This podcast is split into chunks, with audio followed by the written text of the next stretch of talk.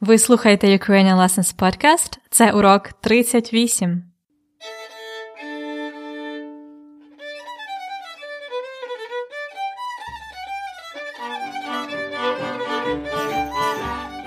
Добрий день! Це Анна і мій подкаст Ukrainian Lessons Podcast.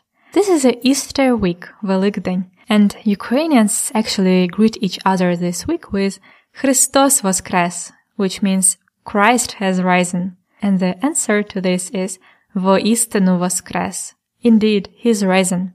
You might hear those in Ukraine if you are here for Easter.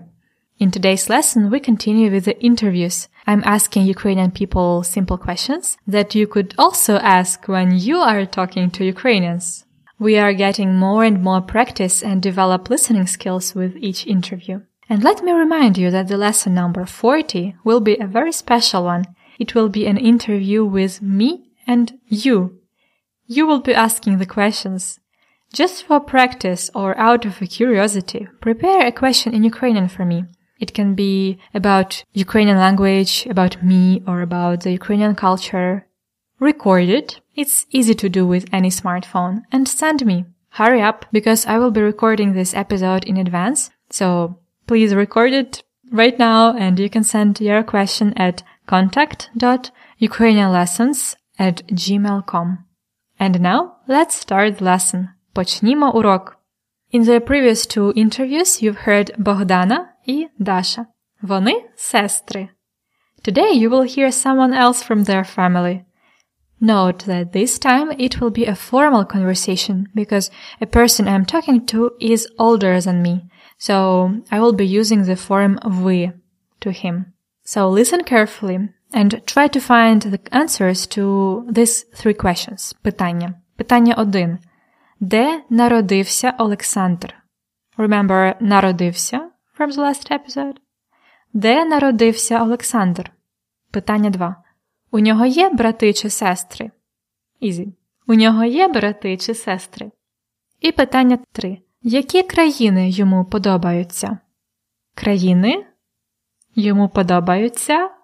Які країни йому подобаються? So, де народився Олександр? У нього є брати чи сестри? І які країни йому подобаються? Готові? Слухайте інтерв'ю. Добрий вечір. Добрий вечір. Як у вас справи? Добре. Скажіть, будь ласка, як вас звати? Мене звати Олександр.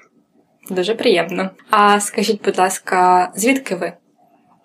Я з України. А де ви живете в Україні? Зараз я мешкаю в місті Київ, хоча народився в селі Васильківського району Київської області. Угу. Як називається це село? Село називається Ковалівка. Угу. Ви працюєте зараз? Так, я працюю інженером. Угу. Вам подобається ваша робота? Подобається. Чудово. Скажіть, а у вас є брати чи сестри? Так, у мене є старший брат, на рік від мене старший. Він проживає в тому ж селі, де й народився. Добре. А у вас є діти? Так, у мене дві доньки. Чудово, і ви одружені? Так. Добре. Скажіть, будь ласка, що ви любите робити у вільний час? У вільний час я люблю ремонтувати різноманітну техніку. Добре. Тому я став інженером. Так, дуже добре. А ви любите подорожувати? Ну так, я дуже люблю подорожувати. Я побував у всіх обласних центрах України. У всіх всіх? Всіх всіх. Ого, це цікавий факт. А скажіть тоді, який ваш улюблений обласний центр України? Улюблений Київ. Київ, так. Так, це найкраще місто в світі. Які ви любите країни за кордоном? За кордоном? Ну, мені подобаються країни, в яких є гори. Це Словаччина, Чорногорія. Угу. Добре, дуже дякую вам за розмову. Гарного вам вечора. До побачення. Нехай щастить. Добре, now let's find out the answers to the questions I asked you before. Питання один was де народився Олександр? Олександр народився в селі Ковалівка. In the village called Ковалівка.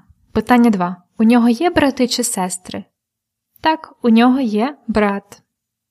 І питання три. Які країни йому подобаються? Йому подобаються країни, в яких є гори that have mountains. Наприклад, Словаччина, Чорногорія. So you could have answered also. Йому подобаються Словаччина, Чорногорія. Словаччина is uh, Slovakia. Чорногорія is a Montenegro.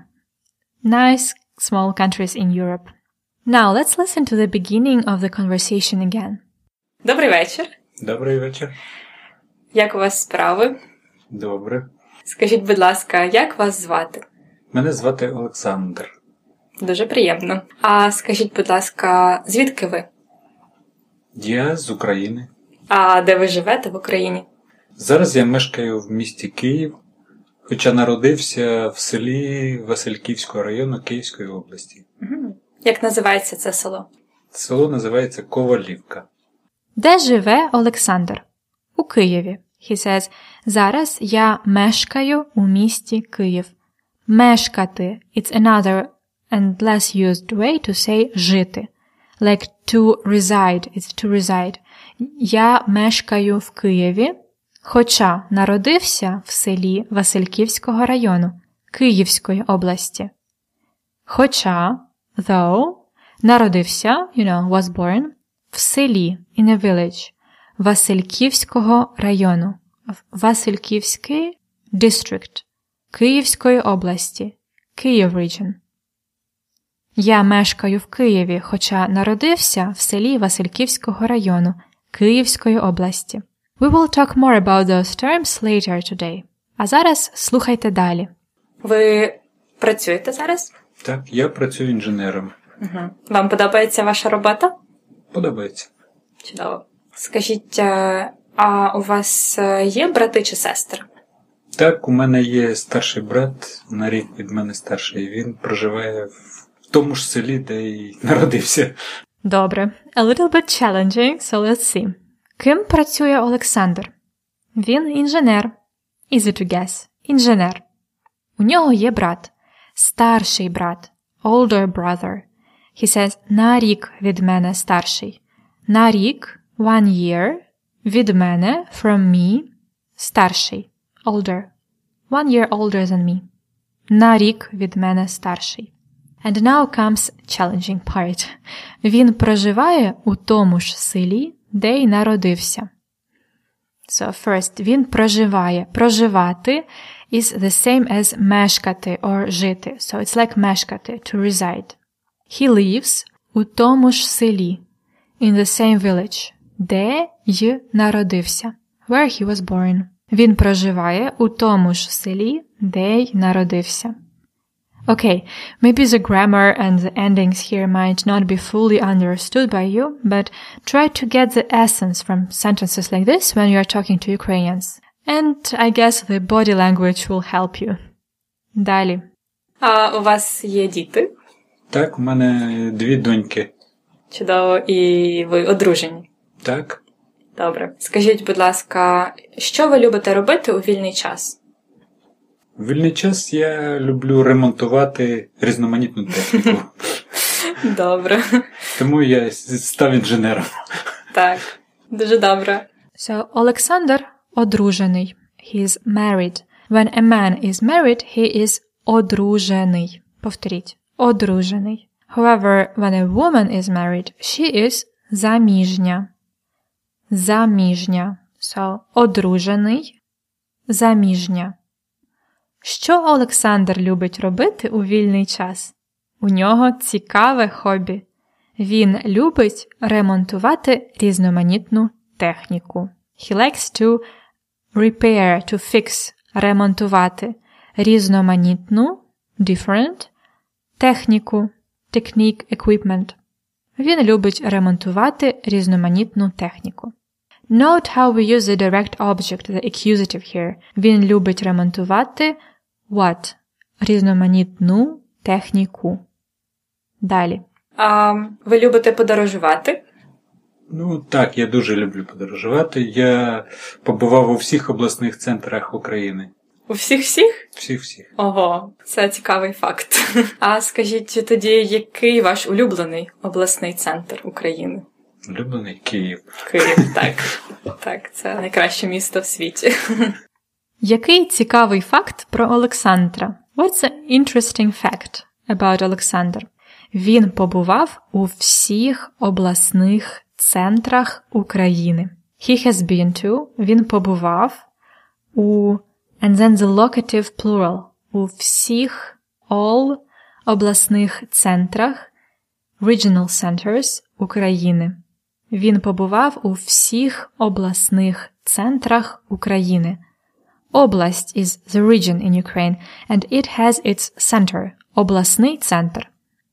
It's uh, the biggest city in Oblast. And there are 25 of those, and that's many. And Олександр побував у всіх обласних центрах України. Але його улюблений обласний центр Київ. And I agree saying that it's the best city in the world. Це найкраще місто в світі. Let's listen now to the end of it. Які ви любите країни за кордоном? За кордоном. Ну, мені подобаються країни, в яких є гори. Це Словаччина, Чорногорія. Добре, дуже дякую вам за розмову. Гарного вам вечора. До побачення. Нехай щастить. За кордоном. It means beyond the border, literally, or just abroad. За кордоном. Two words. За кордоном. За кордоном Олександру подобаються країни, у яких є гори. Це Словаччина, Чорногорія. And the last sentence Alexander said was very nice. It's a nice way to say bye and to wish someone good luck with something. It was Нехай щастить. It means let the luck comes to you. Something like that. Щастити is to be lucky. Нехай щастить. It's one of the ways to say good luck. Нехай щастить. And we listen to the conversation ще раз. Слухайте.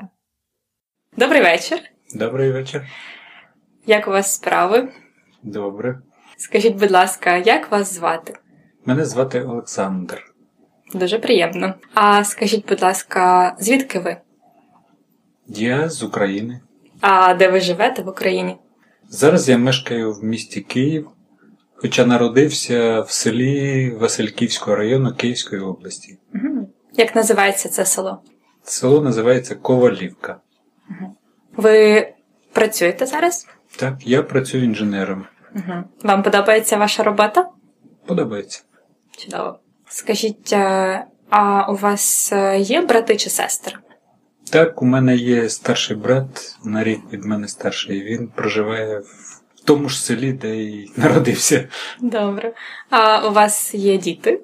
Так, у мене дві доньки. Чудово, і ви одружені. Так, Добре. Скажіть, будь ласка, що ви любите робити у вільний час? в вільний час я люблю ремонтувати різноманітну техніку. Добре. Тому я став інженером. Так, дуже добре. А ви любите подорожувати? Ну так, я дуже люблю подорожувати. Я побував у всіх обласних центрах України. У всіх всіх? Всіх всіх. Ого, це цікавий факт. А скажіть тоді, який ваш улюблений обласний центр України? Улюблений Київ. Київ, так. Так, це найкраще місто в світі. Які ви любите країни за кордоном? За кордоном. Ну, мені подобаються країни, в яких є гори.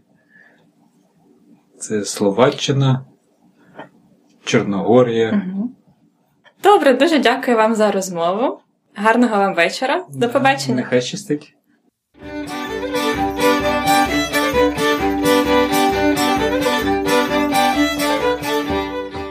Let's practice again. Можете відповісти на запитання? Can you answer some questions? They are easy. Try it. Питання 1. Ким працює Олександр? Він інженер. Or you can say fully він працює інженером. And інженером is instrumental case. Or you just simply say він інженер. Питання 2. Йому подобається його робота? Так, йому подобається його робота. Питання 3. This one a bit challenging. Де Олександр побував в Україні? Де Олександр побував has been to в Україні?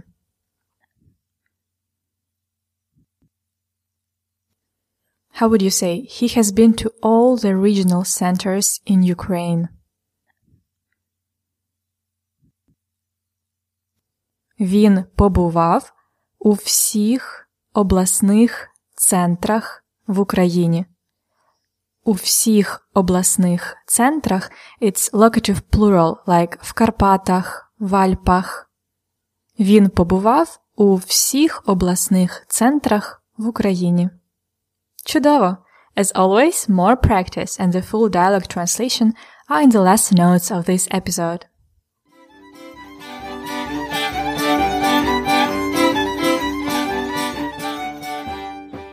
Cultural fact at the Ukrainian Lessons podcast. Back in the beginning of the podcast, it was episode 10, I remember, I've told you already about oblasti.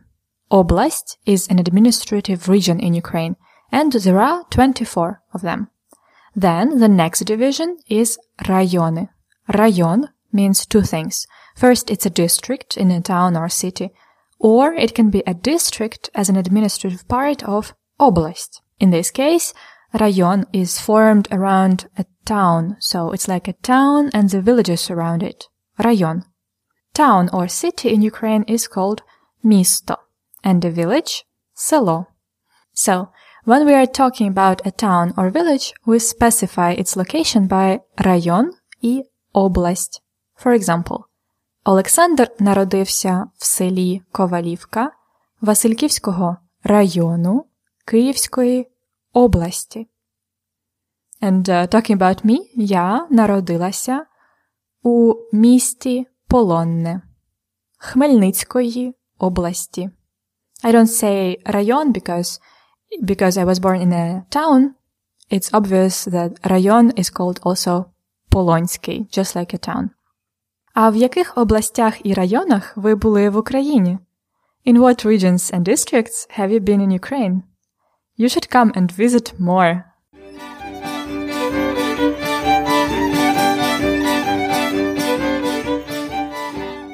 Це все на сьогодні. This is it for today. Remember that uh, you have to act fast if you want to ask me a question for the Q&A episode number 40. Record your питання and send it to me at contact.ukrainianlessons at gmail.com. The dialogues become bigger, so you might want to see the full transcript and translation for more convenient studies. And remember that they are included in our specially designed lesson notes, along with more practice and vocabulary lists for you. Find out more about that at ukrainianlessons.com slash episode 38. ukrainianlessons.com slash episode 38. До побачення! Нехай щастить!